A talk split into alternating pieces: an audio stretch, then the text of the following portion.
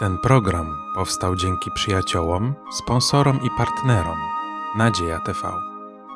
Dziękujemy. Witam bardzo serdecznie w Kościele Adwentystów Dnia Siódmego, zbór Podkowa Leśna. I przed nami kolejne studium Słowa Bożego, tym razem noszące tytuł Pokonanie grzechu.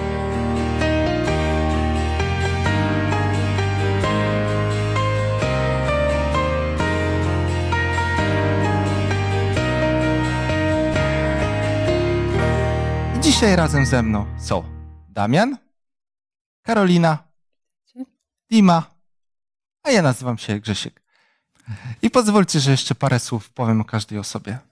Damian całkiem niedawno skończył studia teologiczne tutaj w Podkowie i obecnie pracuje w Warszawie jako młody pastor. Karolina, moja żona, jest po stu- studiach fizjoterapeutycznych i pracuje w zawodzie, głównie ze starszymi osobami. I Dima, Dima pochodzi z Ukrainy, tam skończył studia teologiczne, pracował przez pewien czas jako pastor, a później przyjechał tutaj do Polski. I przed naszym studium Słowa Bożego pomodlimy się razem z Karoliną. Panie Boże drogi, dziękuję Ci za to, że dałeś nam tą możliwość studiowania wspólnie Słowa Bożego. Proszę, by to był czas, w którym zbliżymy się do Ciebie, w którym lepiej poznamy Twoją wolę. Proszę, byś był z nami. Amen. Amen. Temat pokonanie grzechu. Trudny, łatwy? Jak wam się to studiowało? No, myślę, że temat jest dosyć ciekawy. A czy trudny, czy łatwy? No, jakbyśmy mieli powiedzieć, czy pokonanie grzechu w naszym życiu jest łatwe, czy właśnie trudne? Mi szczerze mówiąc, zrodziło się więcej pytań niż odpowiedzi w trakcie studium tego Mhm. tematu. Może zanim przejdziemy do studium szóstego rozdziału listu do Rzymian, odpowiemy sobie na pytanie, czym jest tak naprawdę, czym jest grzech? Jak Biblia definiuje grzech? I czy jest jakaś różnica między zrozumieniem grzechu w Starym Testamencie, a zrozumieniem grzechu w Nowym Testamencie? Ja bym chciał powiedzieć, że, że grzech jest odejście od Boga. No Tak, i czytając z pierwszego listu e, Jana, trzeciego rozdziału, to jest werset czwarty. Każdy, kto popełnia grzech, przekracza też prawo, ponieważ grzech jest przekroczeniem prawa. No i to jest taka, wydawałoby się, e, biblijna definicja, którą zazwyczaj używamy. Chociaż e, grzech e, tak naprawdę, jakby się zastanowić, to oczywiście jest przekroczeniem prawa, ale można by pójść głębiej, bo, bo kiedy mówimy te słowa, grzech jest przekroczeniem prawa, to mamy zazwyczaj na myśli tylko złamanie przykazań, prawda? Mhm. Natomiast grzech to jest nie tylko złamanie jakiegoś przykazania, ale grzechem myślę, że możemy nazwać niedociągnięcie do Bożego standardu. Mhm.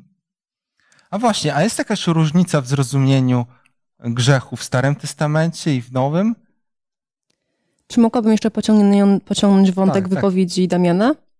Em, właśnie myślę w podobny sposób, czyli że em, grzechem faktycznie jest gdyby złamanie tych zasad, które Pan Bóg ustanowił i to po, też poniekąd też niedociągnięcia, tak?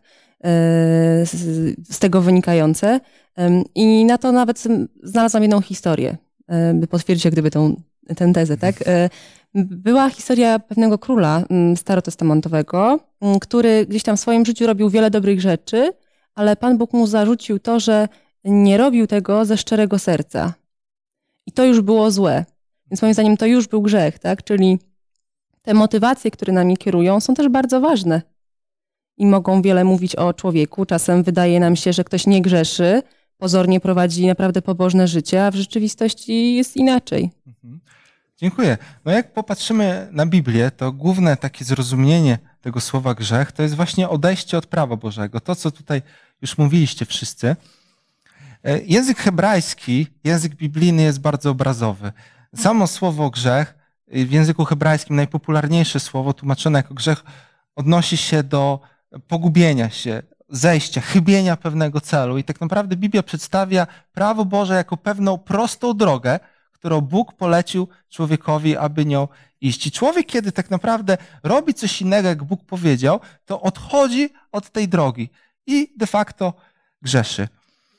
I jak popatrzymy na właśnie na Nowy Testament, czy Jezus, Jezus coś dodał e, na, w kazaniu na górze. Może tutaj wam podpowiem. Piąty rozdział. No właśnie, właśnie miałem się do tego odnieść, e, kiedy zadałeś to pytanie, bo wydaje się, że Jezus e, troszkę pogłębia to zrozumienie, czym jest grzech w stosunku do tego, co było w Starym Testamencie. Jakbyśmy spojrzeli na piąty rozdział Ewangelii Mateusza i tam wersety od 27 są takie słowa napisane.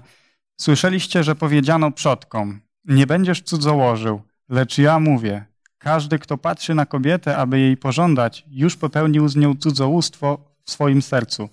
No i to jest może taki sztandarowy przykład, ale to jest pogłębienie tego zrozumienia, jakie do tej Mhm. pory było.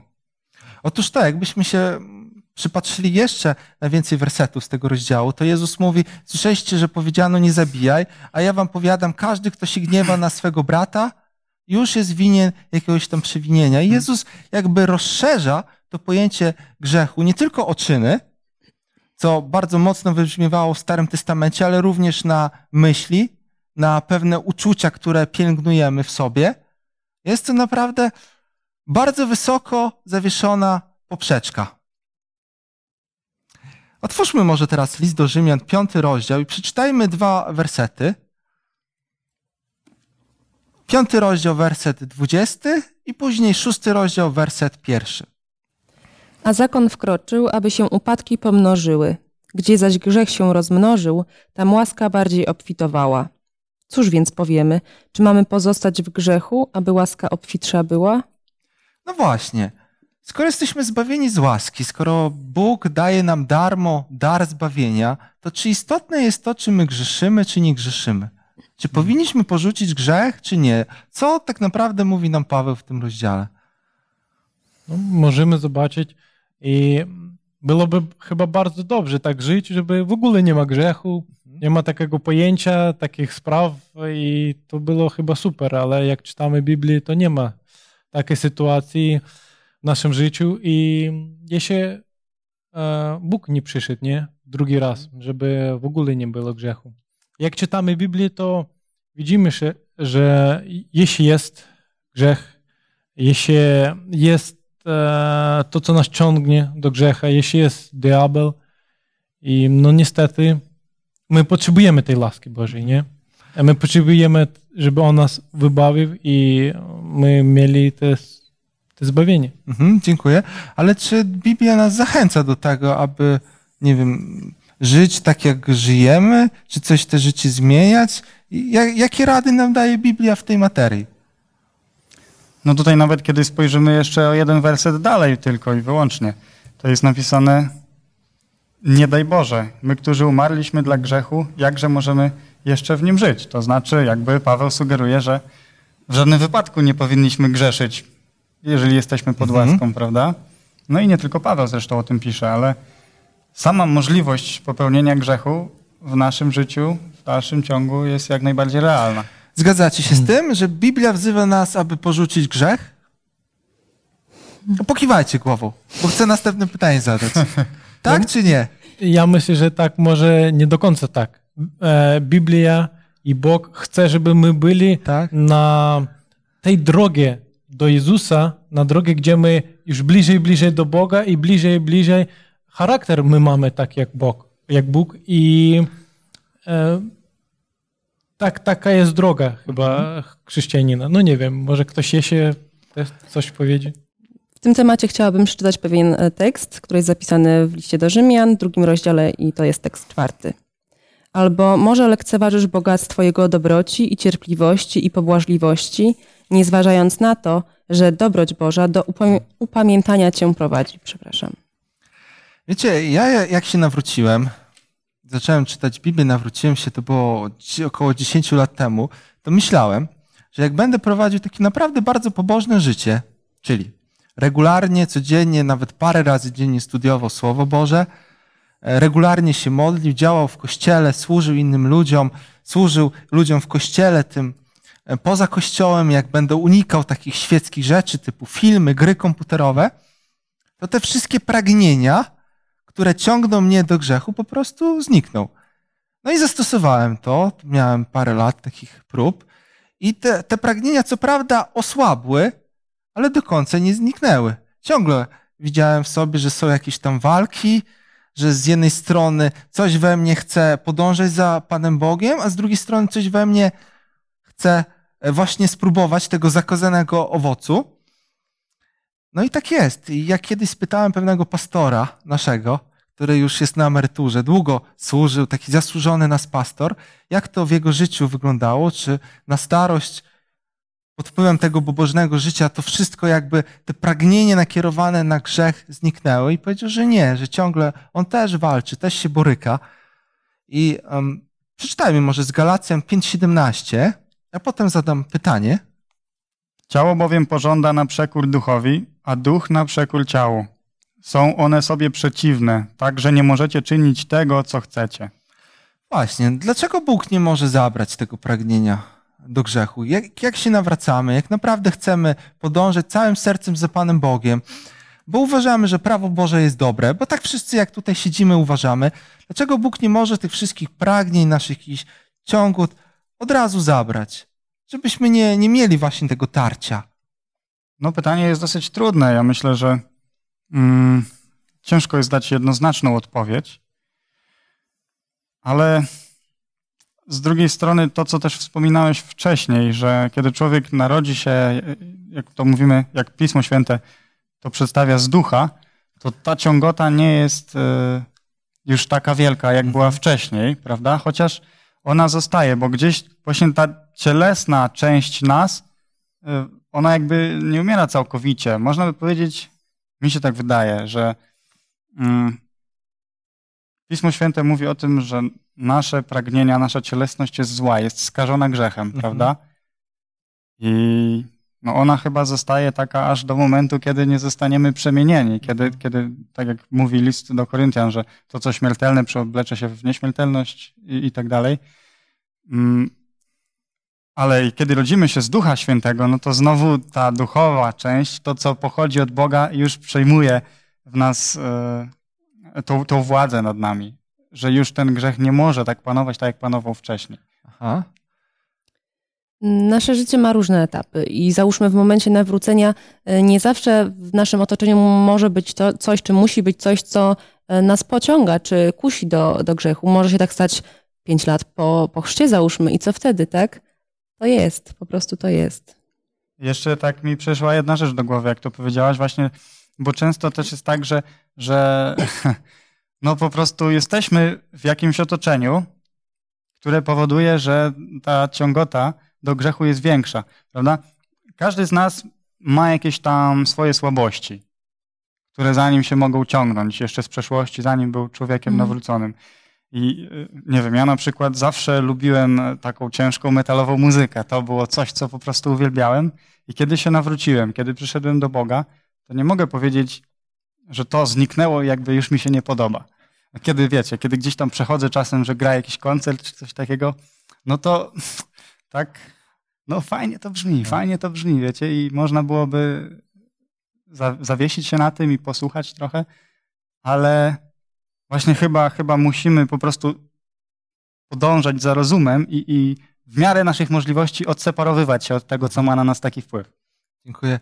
Ja kiedyś się bardzo długo zastanawiałem właśnie nad tym pytaniem, dlaczego skoro ja chcę czynić dob dobrze, to Bóg nie zabiera tych wszystkich złych pragnień. I sobie takie trzy rzeczy wypisałem. To mm. coś, do czego ja doszedłem. To jest pierwsza, pierwsza rzecz, to to, że przez moje słabości ja ciągle patrzę na krzyż Chrystusa. Mhm. Podejrzewam, że gdybyśmy, gdyby nam zostały zabrane te wszystkie pragnienia, to rok, dwa byśmy zapomnieli o tym, co tak naprawdę zrobił Chrystus. Byśmy mhm. skoncentrowali się nie na Jego dziele, ale na sobie.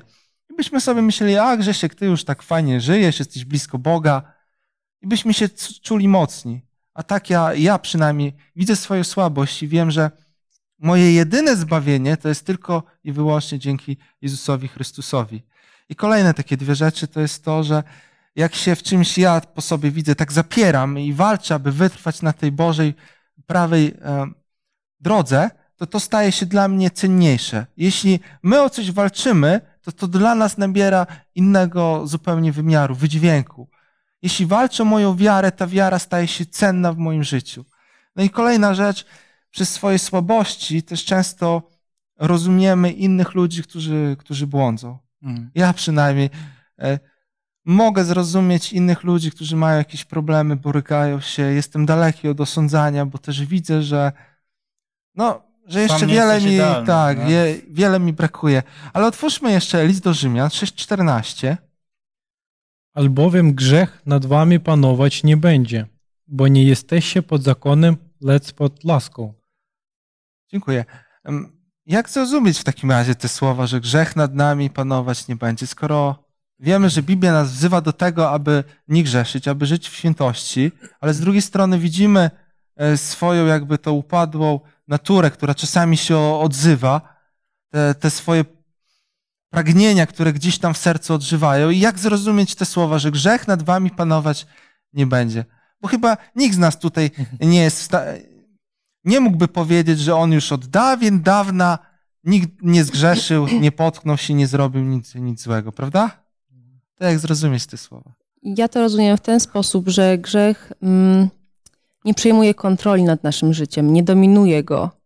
Czyli to nie jest tak, że znika zupełnie, ale też mm, nie jest aż tak wielkim ciężarem, którego nie jesteśmy w stanie, że tak powiem, y, udźwignąć. Ym, Jadąc y, autem, y, słyszałam pewną audycję. Podana została taka informacja, że w tym roku y, 4,5 tysiąca młodych osób popełniło samobójstwo. Pytanie rodzi się takie, dlaczego? Nie mogli udźwignąć y, swoich ciężarów, y, tego, że nie byli w stanie sobie z czymś poradzić. Może wyrzuty sumienia, tak? Ym, To pokazuje, że ludzie borykają się z problemami grzechów, tak? I to ich gniecie. Może nie rozumieją tego w takim kontekście jak my, może to nie jest ten y, grzech przez nas rozumiany w ten biblijny sposób, ale są to jakieś życiowe problemy, które, których nie są w stanie prze, przejść po prostu. I chciałbym dodać, że chyba tak krótko mówiąc, kto jest mój Pan? Kto mną kieruje? Bóg czy grzech?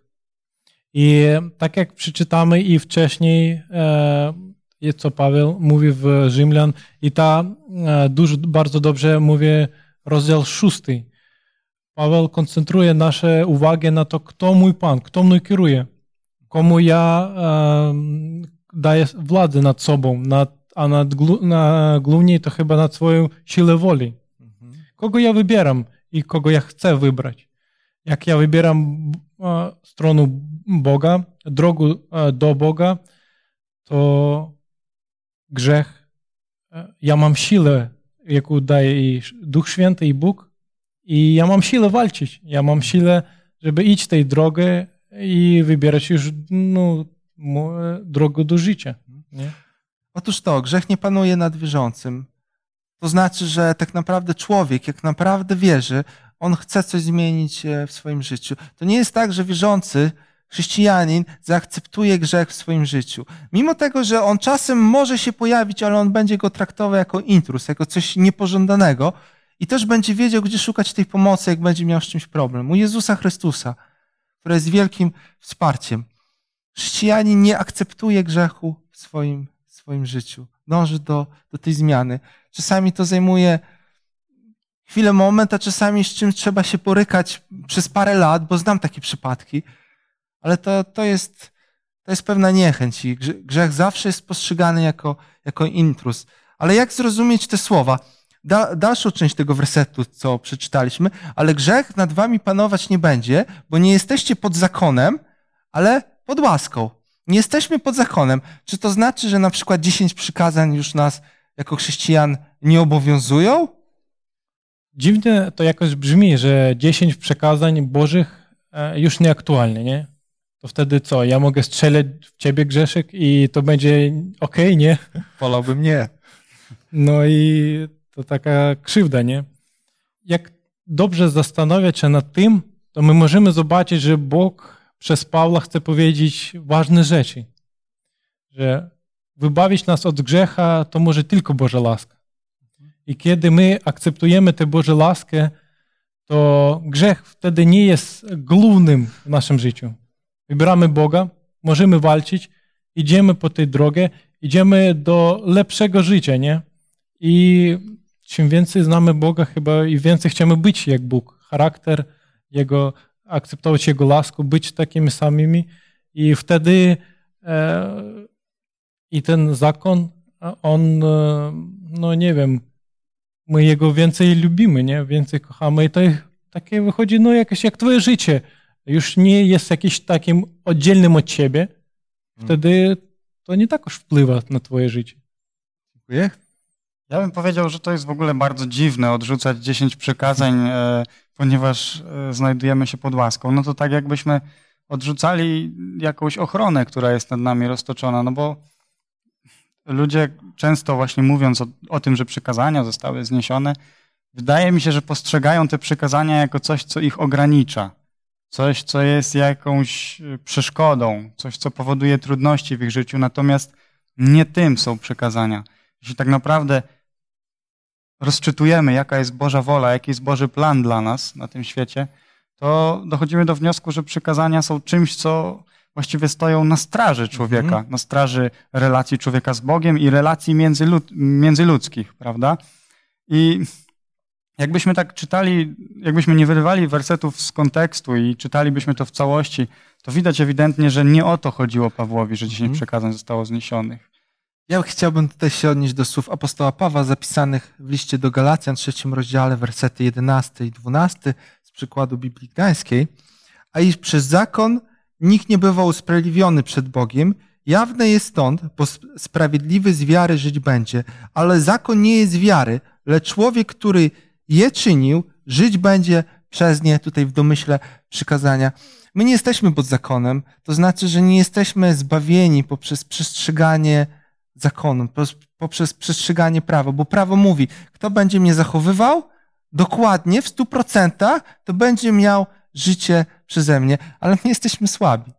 Wszyscy jesteśmy słabi, wszyscy zgrzeszyliśmy dlatego jesteśmy wyłączeni spod zakonu e, w zrozumieniu zbawienia, tylko pod łaską, ale tak jak tutaj powiedział Damian, ciągle zakon obowiązuje nas, ale w jakim wymiarze? Nie zbawczym, tylko informacji, co jest dobre, a co złe, co się Bogu podoba, od tego, co hmm. się Bogu tak naprawdę nie podoba. I przeczytajmy z listu do Rzymian, szóstego rozdziału, werset szesnasty. Czyż nie wiecie, że jeśli się oddajecie jako słudzy w posłuszeństwo, stajecie się sługami tego, komu jesteście posłuszni, czy to grzechu ku śmierci, czy też posłuszeństwa ku sprawiedliwości? Mhm. Dlaczego Paweł tutaj przywołuje posłuszeństwo? Czy łaska i posłuszeństwo mogą iść w parze?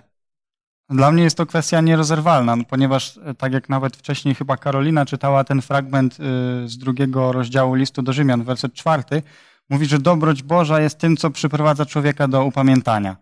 Więc mhm. człowiek, który doświadcza łaski w swoim życiu, który doświadcza przebaczenia grzechów wszystkich, mm, i ta moc Boża zaczyna działać na jego serce, e, jakby automatycznie zwraca się w kierunku tych właśnie informacji, o których mówiliśmy, informacji, którymi tak naprawdę jest całe Pismo Święte i szuka, szuka lepszej, innej drogi w swoim życiu, szuka czego Bóg chciał, co, co Bóg chciałby, żeby on robił, w jaki sposób, żeby żył. I dziesięć przykazań to jest e, właśnie takie wytyczne dla nas, jak hmm. powinniśmy żyć.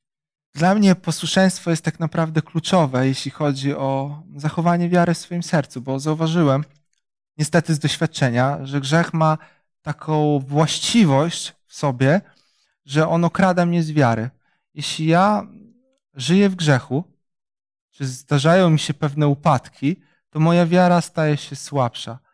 To tak samo jak było z Adamem i Ewą, kiedy oni zgrzeszyli. Od razu chcieli się ukryć przed Panem Bogiem. Już Boża obecność nie była dla nich tą rozkoszą, tym, czym była, zanim oni zgrzeszyli. I zauważyłem to u siebie. Tak samo. To jest najgorsze w tym grzechu, że grzech okrada nas z łączności z Panem Bogiem, bo sprawia, że ten Bóg staje się daleki, jakby oddzielony, że już nie mam takiej ochoty, aby Boga szukać, aby do Niego przyjść. E, ta moja wiara, która kiedyś była mocna, nagle zaczyna słabnąć. Dlatego posłuszeństwo jest, jest ważne, aby to ten drogocenny skarb wiary po prostu zachować w swoim sercu.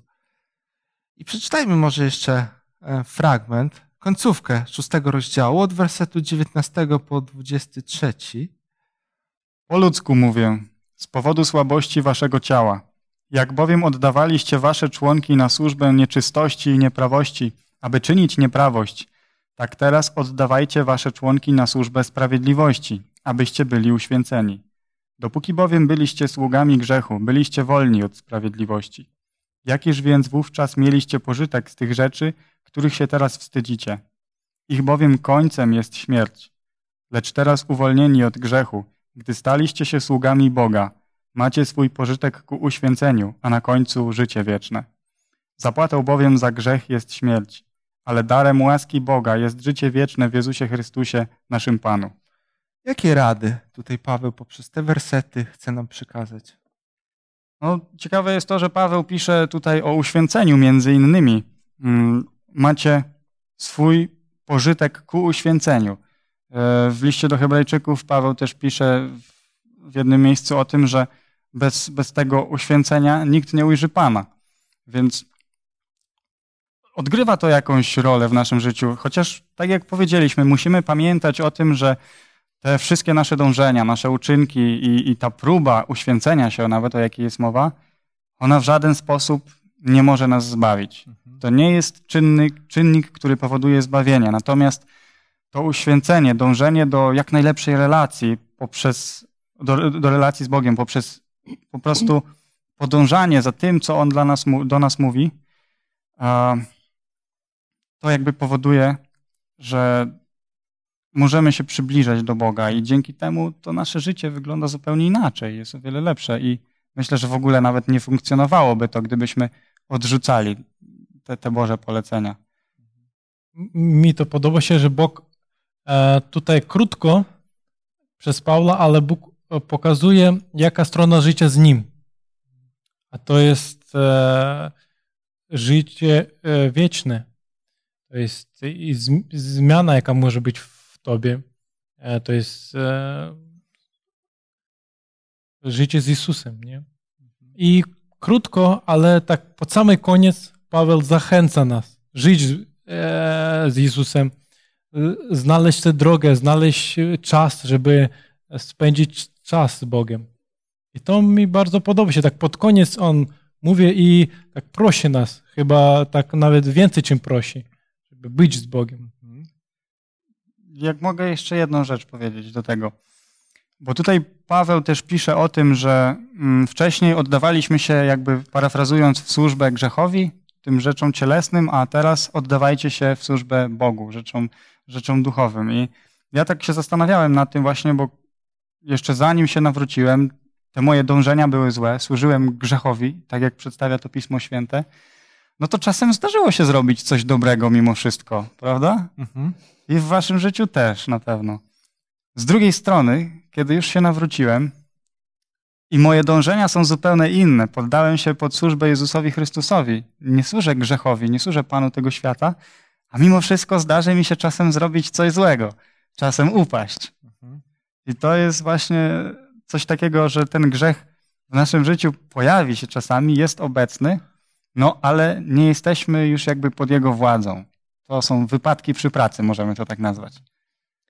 Um, skoro zapłatą za grzech jest śmierć, jak mówi tu werset 23, 6 rozdziału listu do Rzymian, w takim razie grzech może powodować lęk przed śmiercią, tak? Ależ nie o to Panu Bogu chodzi, moim zdaniem. W, taką motywacją do kontaktu z Panem Bogiem nie ma być e, strach, tylko prawdziwa chęć relacji z Panem Bogiem. I ta nagroda, o której mówi, czyli mm, dar, dar łaski Bożej, którym jest żywot wieczny w Jezusie Chrystusie, to jest klucz sprawy, że tak powiem. Mhm. Poruszyłaś bardzo ważną rzecz. Wcześniej o tym e, nie myślałem w tym kontekście, przygotowując tą lekcję, ale wiecie, ja się kiedyś bardzo bałem śmierci. Zastanawiałem się, co to będzie, jak ja umrę. Jak byłem jeszcze w innym kościele, e, to kiedy miałem dłuższy wyjazd, ja szedłem do spowiedzi, się zastanawiałem, jak jakiś wypadek będzie samochodowy. Kiedy się nawróciłem, kiedy Jezus Chrystus zamieszkał w moim sercu, to strach minął do wielu rzeczy, nie tylko do śmierci, ale do wielu rzeczy. Ja nie boję mhm. się przyszłości, bo, bo wiem, że jest Bóg, który po prostu czuwa nade mną. Może jeszcze zrobimy takie wspólne podsumowanie tutaj, bo już nasza lekcja dobiega końca, ale chciałbym zapytać każdego z Was o jedną taką szczególną myśl, która najbardziej utkwiła Wam w pamięci, czy najbardziej do Was przemówiła podczas tego studium. Mi podoba się, że tutaj widzimy bardzo dobrze, że jest albo z Bogiem życie, strona, jedna i druga strona, albo życie z grzechem i grzech nad tobą panuje. I mi podoba się, że Biblia mówi tak, jak jest, po prostu, tak jak jest. Nie ma trzeciej strony, nie? Nie ma gdzieś szare, nie ma gdzieś pośrodku, albo bliżej gdzieś tam, albo bliżej drugiej stronie. I Biblia mówi tak do przyszłości, wybieraj. Pomyśl o tym teraz a, i wybieraj teraz, gdzie ty chcesz być. I Bóg prosi być z nim. Dziękuję. Mm, dla mnie ciekawą myślą były słowa, które powiedział Grzesiek, że grzech um, okrada nas y, z tej relacji z Panem Bogiem. To tylko tyle, tak krótko. No, dla mnie ta myśl tutaj, która jest też bardzo istotna, to jest właśnie to, że Pismo Święte e, mówi o tym, że człowiek po nawróceniu nie, nie znajduje się pod panowaniem grzechu, co nie znaczy, tak jak czasami y, niektórzy z nas forsują tą ideę, to nie znaczy, że grzechu nie popełnimy nigdy. I myślę, że warto studiować Pismo Święte bardzo dokładnie, nie wczytywać tam tego, czego tam nie ma, a wyczytywać to, co tam jest. Jakbym przywołał jeszcze e, przykład apostoła Piotra, bo Znamy, znamy jego historię dosyć dobrze. Zanim otrzymano Ducha Świętego w takim pełnym wymiarze, po tym jak Jezus Chrystus wstąpił do nieba, no to Piotr miał różne momenty, jak zresztą każdy z apostołów, ale Piotr jest takim, który bardzo często jest przywoływany tutaj. Miał różne słabości, ale co? Potem apostołowie otrzymali Ducha Świętego, prawda?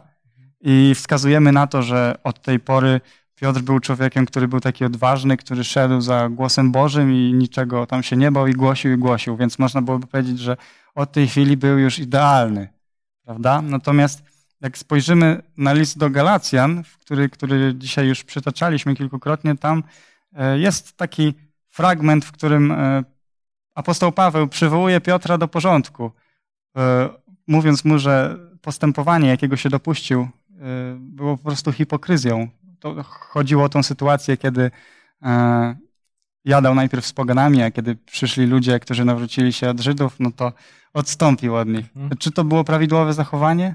Nie było to prawidłowe zachowanie.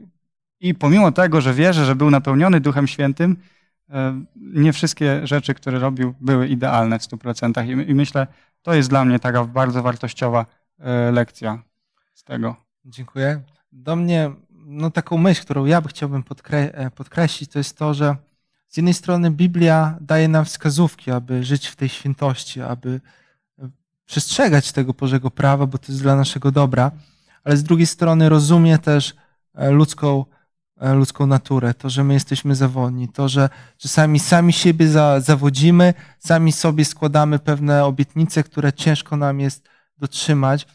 I Biblia to rozumie, autorzy biblijni to rozumieją, co nam e, tak naprawdę pokazuje, że Bóg to rozumie.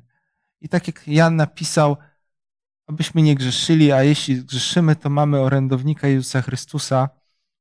Możemy iść ku, e, ku lepszemu poznaniu Boga, a kiedy nam się po prostu ta noga potchnie, to mieć to pewność, że Bóg po prostu nas przyjął z łaski przez wiarę i kiedy wyznajemy te grzechy, to Bóg je po prostu zapomina, wymazuje. Dziękuję Wam za udział aktywny e, w tej lekcji, za Wasze doświadczenia, za Wasze przemyślenia. I teraz na, na zakończenie pomodlimy się z Damianem. Drogi nasz Panie i Boże, bardzo Tobie dziękujemy za to, że Ty dałeś nam nadzieję na życie wieczne w ofierze, jaką złożył Jezus Chrystus na krzyżu. Za to, że zbawienie nie wypływa z naszych osiągnięć, z tego, co my dokonujemy, ale z tego, co Ty, Panie, dokonałeś. Dziękujemy Tobie za to, że mamy możliwość poznawania tych wspaniałych prawd, że mamy możliwość, aby razem studiować Twoje słowo, aby wymieniać się spostrzeżeniami. Za to, Panie, że Duch Święty, którego Ty posłałeś, aby prowadził Twój Kościół, działa na nas wszystkich, jak wierzę.